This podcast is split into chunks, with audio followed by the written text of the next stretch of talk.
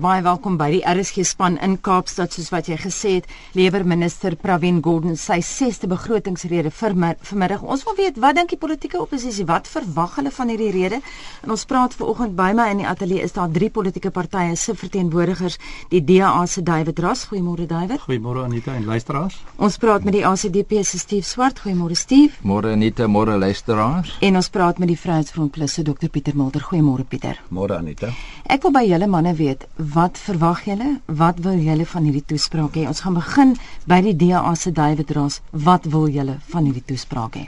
Ja seker daar is 'n uh, baie belangrike verwagtinge in die in die toespraak, maar eerstens moet ons net 'n beduidende aankondiging uh, van kennis neem en dit is dat die president op die 11de Februarie erken het dat die ekonomie in groot moeilikheid is en dat die uitdaging inderdaad is om 'n risiko van soewereine kredietverlaging te staai. Nou dit is egter onseker nog uh of Gordon die vertroue en geloofwaardigheid kan herstel in hierdie begroting as gevolg van die aanstelling ook op die 9de Desember van uh, minister van Rooyen wat 'n uh, ondeurdagte aanstelling was en baie skade aan die ekonomie gemaak het uh, veral ten opsigte van die waarde van die rand en uh, minister Gordon en 'n paar van sy kollegas sal seker graag hierdie begroting wil gebruik om vertroue en geloofwaardigheid te herstel.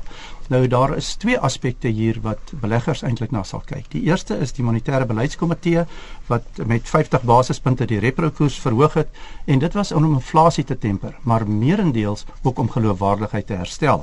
En die ander aspek is nou die belangrike begroting van vandag om geloofwaardigheid te herstel. Nou die minister is in 'n moeilike posisie, is in 'n moeilike fiskale posisie en ook 'n politieke in 'n moeilike posisie. En natuurlik is die ekonomiese vooruitsigte baie kommerwekkend. Ons sien dat die ekonomiese groei afgetaam is van 1.7 na 0.9% in die 2016 jaar en ons verwag 'n stygende inflasieprojeksie van 5.2 na 6.8 vir 2016. Maar die belangrikste aspek in die uitdaging van hierdie begroting is om werksgeleenthede uh aan te spreek en te promoveer en verlies aan werksgeleenthede moet af af met afneem. Tans word beraam dat 8.3 miljoen mense werkloos is in Suid-Afrika en moet die minister hierdie probleem sy groot prioriteit maak. Tweedens is die politieke vooruitsigte natuurlik spanningsvol en kommerwekkend en die ANC se alliansie vir Noord-Kusatu is te nagekom deur die uitreiking van die toenadering wat ons ook gesien het in die staatsrede tussen die regering en groot besigheid. Daar's ook 'n spekulasie natuurlik van BTW verhogings hmm. en Kusatu gaan nie baie goed hierop reageer nie. En die privatisering van staatsbeheerde instellings is 'n uh, erkenning van die regering dat hulle inderdaad in groot moeilikheid is en dat die dreinpyp van uitgawes na staatsbeheerde instellings moet staak en Kusatu sal hier ook uh nie saamstem met die met die algemene uh, trant wat uh minister Gordon in hierdie begroting. Ja, nie 'n maklike begrotingsrede vir ja, hom nie. So die groot uitdagings van die vraag te antwoord is verminder die hoë vlakke van werkloosheid, vermy 'n soewereine afgradering en voorsien verligting aan arm huishoudings, maar belangrik ook sal die minister met aanspreek die droogtehulp aan boere en hy sal moet handel met die studente tariewe uh, krisis wat tans heers. Droogtehulp aan boere, ons weet ook dat Omri van self van Agri SA hierdie begroting baie nou gaan dop. Hy het vir ons op monitor gesê, maar voordat ek by jou kom by Pieter, ek weet jy wil graag daaroor ook praat. Maar ons weet die uh, eh, DA het 'n mantra van die werkloosheid en so aan. Maar kom ons kyk aan die ACDP. Steve Swart. Wat wil julle hê? Ons wil graag eerlikheid en opregtheid sien by die regering. Dit sal geloofwaardigheid herstel. Wat bedoel ek deur eerlikheid? Kom ons kyk na die korrupsie. Kom ons kyk na die bedrog wat gepleeg word. Hulle praat van tot 30 miljard rand per jaar wat verkwis word.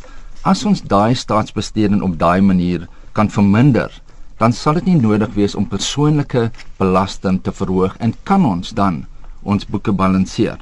Ons moet soos David ook gesê het, ons moet verhoed dat Suid-Afrika tot rommelstatus afgegradeer word, want dan gaan dit weer druk plaas op die skulddelging, op die rentebetalings en dit is wat ons van die ACDP se kant af vroeër onder die minister se aandag gebring het. Ons is baie bekommerd oor die groeiende bekortings, die die ehm um, begrotingstekort en die groeiende skuldlas.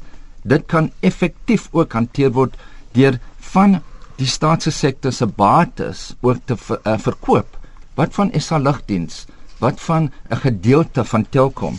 'n Privatisering daarvan is baie belangrik vir ons. En uiteraard is die droogtehulp vir ons uh, in die droogtyd soos daar is baie belangrik. Ons boere soek hulp ons moet vir hulle finansiële bystand gee want aan die einde van die dag moet die regering goeie rentmeesterskap toon vir die geld wat die belastingbetalers vir hulle gee.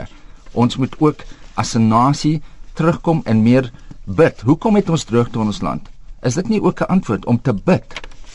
En kom ons staan saam as 'n nasie. Ons het baie uitdagings, maar as ons hande saamvat, kan ons vandag 'n verskil maak.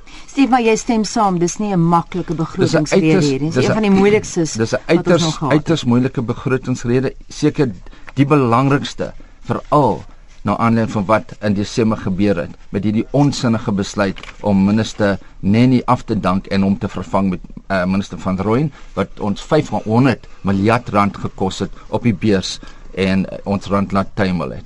Dink jy die minister kan 'n haas uit die hoed uittrek, Steve? Dit sal 'n baie moeilike uh, situasie wees want daar's baie druk op hom, maar ek dink hy besef as hy nie iets ernstig doen in ons fiskale beleid gaan daar baie baie ernstige gevolge wees en veral die rommelstatus afgradering wat 'n baie erge effek op ons land gaan hê. Ek wil vir 'n oomblik by jou bly. Ons weet dat die minister praat van moontlike privatisering van die staatsbeheerde instellings wat jy sê die ja. ACDP wil hê. Maar ek het vroeër verwys dan na professor Janie Resou van Wits Universiteit sê mense kan nie praat van die P-woord nie in terme van privatisering nie, maar die W-woord jy moet dit weggee want niemand wil hierdie staatsbeheerde instellings hê nie want hulle vaar so power. Nee nee, ek dink jy dis reg nie. Kyk na Telkom, daar's 'n gedeelte daarvan wat moontlik geprivatiseer kan word. Telkom doen baie goed op die oomblik en die staat het 'n groot aandeel daarvan. Ek praat van 'n gedeelte daarvan. Eerder om gedeeltes daarvan te privatiseer as om aanhoudend en ons hoor nou dat SA Lugdiens weer 5 miljard rand soek. So dit is iets wat ons kan oorweeg Ons het gesien laas jaar is daar gedeeltelike privatisering van die ehm um, aandele in Vodacom mm. en dit is iets wat gedoen kan word. Daar ons moet die boeke balanseer sonder om persoonlike belasting te verhoog want ons verbruikers is onder te veel druk op die oomblik. As jy pas by ons ingeskakel het, my naam is Anita Visser en ek is saam met die res van die redaksie. Geen redaksiespan in die Kaap. Ons praat vanoggend met drie politieke partye se verteenwoordigers, die DA se David Ross, die ACDP se Steve Swart en die Vryheidsfront Plus se Dr Pieter Mulder. Ons wil weet wat hulle verwagtinge is van die staatsrede vanmiddag. Minister, die minister van Finansies Pravin Gordhan lewer sy 6ste begrotingsrede. Dis natuurlik na verlede jaar het Ntlantlanene dit gelewer en eh, nou is hy terug in die stoel. Pieter, 'n baie moeilike begrotingsrede volgens alle aanduidings. Daar's nie 'n ekonom met wie mens praat wat nie vir jou sê dis een van die moeilikste begrotings wat hy sal moet lewer vanmiddag nie. Wat verwag julle as die Vryheidsfront Plus? Ek dink is die moeilikste een sedert 94 en ook die belangrikste een. En een kernverskil is hy het nog altyd 'n klomp vet ekstra gehad, buffers waarop hy kon terugval. En daar's geen ekstra geld nie, daar's geen buffers nêrens uiteindelik waarop hy kan terugval nie. Kom ek maak dit baie eenvoudig. As jy 'n dam het en hy loop meer water uit die dam uit as wat in die dam inkom, dan gaan die dam leeg raak. Met ander hy moet sy uitgawes sny, dis die water wat uitgaan, hy moet die staat gaan ingryp. Hulle moet nie so mors met die geld nie. Hy moet meer inkomste kry, dis die hele debat rondom belasting. En dan moet hy die albatros van sy nek af afkry, dis die staatsondernemings soos SAL en Eskom en daai wat uiteindelik miljoene rande uit uit, uit omdreineer. Daai goed moet hy doen binne 'n verkiesingsjaar gewoonlik doen mense ongewilde goed in 'n jaar wat nie 'n verkiesingsjaar is nie. So ek sê daar's nie vanmiddag tyd vir enige wollerige stories. Ek uh, speletjie speel wollerige woorde nie. Rommelstatus is 'n realiteit. Junie maand kom die eerste gradering deur. Hy moet baie duidelik iets uitsonderliks doen om ons hier deur te kry aan die ander kant uit. Een positief as ek mag sê, ek dink daar's tog 'n ideologiese skuif binne in die regering gewees as ek luister kom ek gee 'n voorbeeld. Verlede jaar is die woordjie nasionale ontwikkelingsplan een keer gebruik in die president se rede, se staatsrede. Verjaar is dit 4 keer gebruik en die repliek nog 4 keer. Dit sê vir my meneer Nene uh, het positief in die opsig toe hy weg is. Het Pravin Gordhan gekom om te red en hy het amper nou 'n carte blanche laat hy kan doen wat hy wil. Ons is so diep in die moeilikheid dat die Kosatus en die SAKP's en die president sê enigiets kry ons net uit die moeilikheid uit hier. En kan hy dit doen? Wel dis baie da, dan moet hy haas die hoed uithaal. Dis dinge soos jy nou oor staatsondernemings gepraat. Privatisering is natuurlik die antwoord, maar jy is absoluut reg die P-woord kan nie gebruik word nie om politieke redes met Kusatu en al die alliansievriende. So wat ek hoop voor uiteindelik is dat hy ander woorde gebruik, dinge soos rasionalisering daarvan. Uh gedeel byvoorbeeld uh, uh, vennootskappe tussen die privaat sektor en die en op daardie manier steek dit weg. Ramaphosa is onlangs in China, toe kom hy terug hy sê hy hou van die Chinese model. Dis als privatisering, mm. maar dis allerlei maniere om ontslae te raak daarvan. As ek iets oor die kredietgradering kan sê, jy weet, as hulle nie gaan regkom nie, gaan ons afgegradeer word. En die moeilikheid is dit lyk asof mense aanvaar jy moet net sorg dat jou finansies klop. Die staat moet net sorg dat hy klop. Met ander woorde, ons moet minder uitgee, ons moet 'n bietjie belasting inkry. Maar ek is bevrees hulle kyk na baie meer. Hulle kyk ook of die regering regtig die ekonomiese probleem verstaan of hy enige plan het om ons uit die moeilikheid uit te kry om die groeikoers te verhoog en daardie soort van goed sal hy moet duidelik kry dan eers gaan jy beleggingsvertroue terugkry. So dis 'n groter plan as om net te sê my boeke klop op die einde hmm. en ons hoop hy kan dit regtig reg. Ja, ek Pieter, ek wil net vinnig voordat ek by jou kom, dit klink vir my net 'n laaste woord aan Pieter dan kom ek na jou toe. Dit klink vir my asof jy dink daar is hoop. Ek weet er glo daar's hoop want ons is almal in moeilikheid. As ons rommelstate skry, dan vlieg die geld die land uit want sekere van die pensioenfonde in die internasionale wêreld het reëls. Hulle mag nie belê in 'n land met rommelstatus nie. So dis vir ons almal sleg uiteindelik. Hmm. Ek dink Previn kan dit doen en ek sê hy is sterker nou as gevolg van die nene krisis. Die president almal het hande af hy kan nie aangetas word eintlik nie want as hom nou nog afdank, jy weet dan soos wegvoer. Mm. En die vraag is gaan hy moet hê om in 'n verkiesingsjaar die goed te doen wat gedoen moet word en dit gaan vanmiddag se toets wees in elk geval. Ja, ja die man aan die woord daar is Dr Pieter Mulder, maar kom ons gee vir die DA se David Ross ja, ek kan aansluit by Pieter en te sê dat die uh, minister van finansies het werklik die vermoë om die omvattende hersiening van staatsuitgawes en besteding te kan doen en net oor staatsuitgawes die die volgende hy moet maatreëls instel om die begrotingstekort te verminder en staatsskuld te stabiliseer en om fiskale ruimte te bou met die doel om 'n volhoubare fondasie daar te stel. Ek dink dit sal sy taak wees. Hy ek dink hy kan dit bereik deur 'n spanderingsplafon daar te stel en uitgawes op op op nie noodsaaklike goedere te sny nie. Nou hierdie besparingsbedrag is ongeveer so 25 miljard wat wat hulle graag wil bereik. Miljard, uh, 25 miljard. Ja, miljard, ja. En miljard ja. En 2% dit is maar 2% van die hoofbegroting. So dis nie so beduidend nie. Ek dink die punt wat ek wil maak, dat die werklike besparing wat moet kom, is eintlik in die groter fiskale risiko areas van mega infrastruktuurprojekte soos die kernkragbouprogram wat daarom nou die uitspraak gemaak is dat dit nie tans bekostigbaar is nie en die nasionale gesondheids uh sorg uh, ambisies wat lê wat ook nie bekostigbaar is nie. Hier kan die staat baie seer kry en ek dink Pravin Gordhan moet hier vir ons probeer duidelikheid gee wat gedoen kan word. En dan die groot olifant in die in die in die in die kamer met betrekking tot uitgawes is die staatsloonstaat wat tans reflekteer op so 524 miljard. Mm. En dit is omtrent 60% van die uitgawebegroting ons moet kyk na wat hier gebeur. Jaar na jaar word daar nie aan die teikens voldoen wat hulle ingaan mee te onderhandel nie en die stygings in 2018-19 uh kan al 615 miljard daar stel. Dit is die groot uitgawes waarna gekyk moet word en mense sal graag wil hê die minister van finansies moet vir ons meer duidelikheid hieroor gee. Jy sien die uitdaging hier is om die kredietgraderingsagentskappe tevrede te stel. Ons moet die begrotingstekort afbring van 3.3 na onder 3% toe en ons moet die skuld uh die skuld van die van die staat wat tans uh op 1.8 triljoen is met ons aanspreek en ons moet kyk na ons skulddelgingskoste. Dis ongeveer so 127 miljard rand per jaar.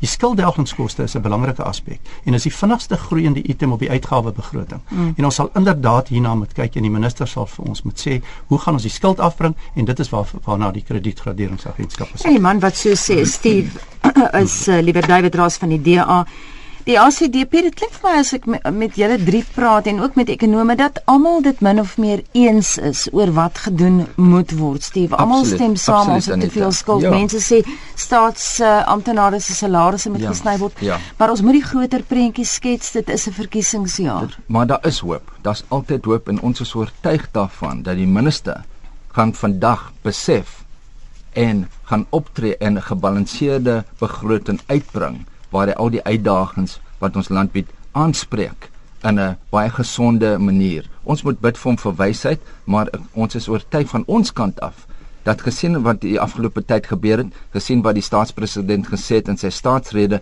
dat hy wel gaan vandag kom met 'n baie belangrike en beslissende optredes vandag wat ons skuldklas gaan aanspreek, wat die droogte gaan aanspreek en wat hoop in die toekoms vir ons nasie gaan bring. Dit klink op die oomblik, ehm um, Steve, asof hy nie eintlik 'n keuse het nie. Ons kan nie meer foute bekostig nie. Ek sien Business Day het hele ruk gelede onderhoud gedoen uh, met Standard & Poor en hulle het gepraat met Konrad Royce wat gesê het Suid-Afrika Pieter Mulder kan eenvoudig nie meer foute bekostig correct. nie. Absoluut korrek. En dis hoekom ek sê die tyd van Wilderig praatjies is verby. Kom ek gee jou 'n snaakse voorbeeld. Die gebou langs ons hier is Pleinstraat. Hy het 18 verdiepings. Hy's gebou in 1966.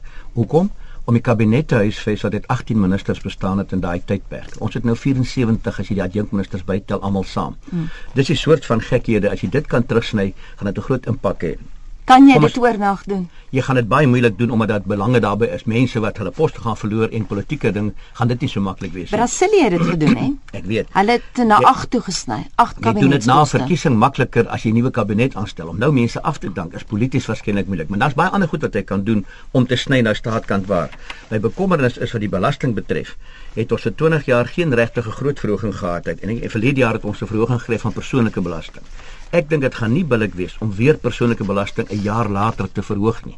Dis hoekom die Vryheidsfront Plus sê ons dink moet na BTW gekyk word eerder, al is dit ongewild, want as jy BTW verhoog, is jou belastingbasis groter. Jy kan nie die 5 miljoen alleen uh, uh, belas heeltyd die een koei melk tot hy moeg is nie. BTW sê ek maar ons almal in die belas. Die laaste woord daar aan Dr Pieter Mulder van die Vryheidsfront Plus. Bly ingeskakel vanmiddag na 2 kan jy luister na minister Pravin Gordhan se begrotingsrede en ons het 'n volledige bespreking daarvan met die ekonome Dave Moore en Fran Du Plessis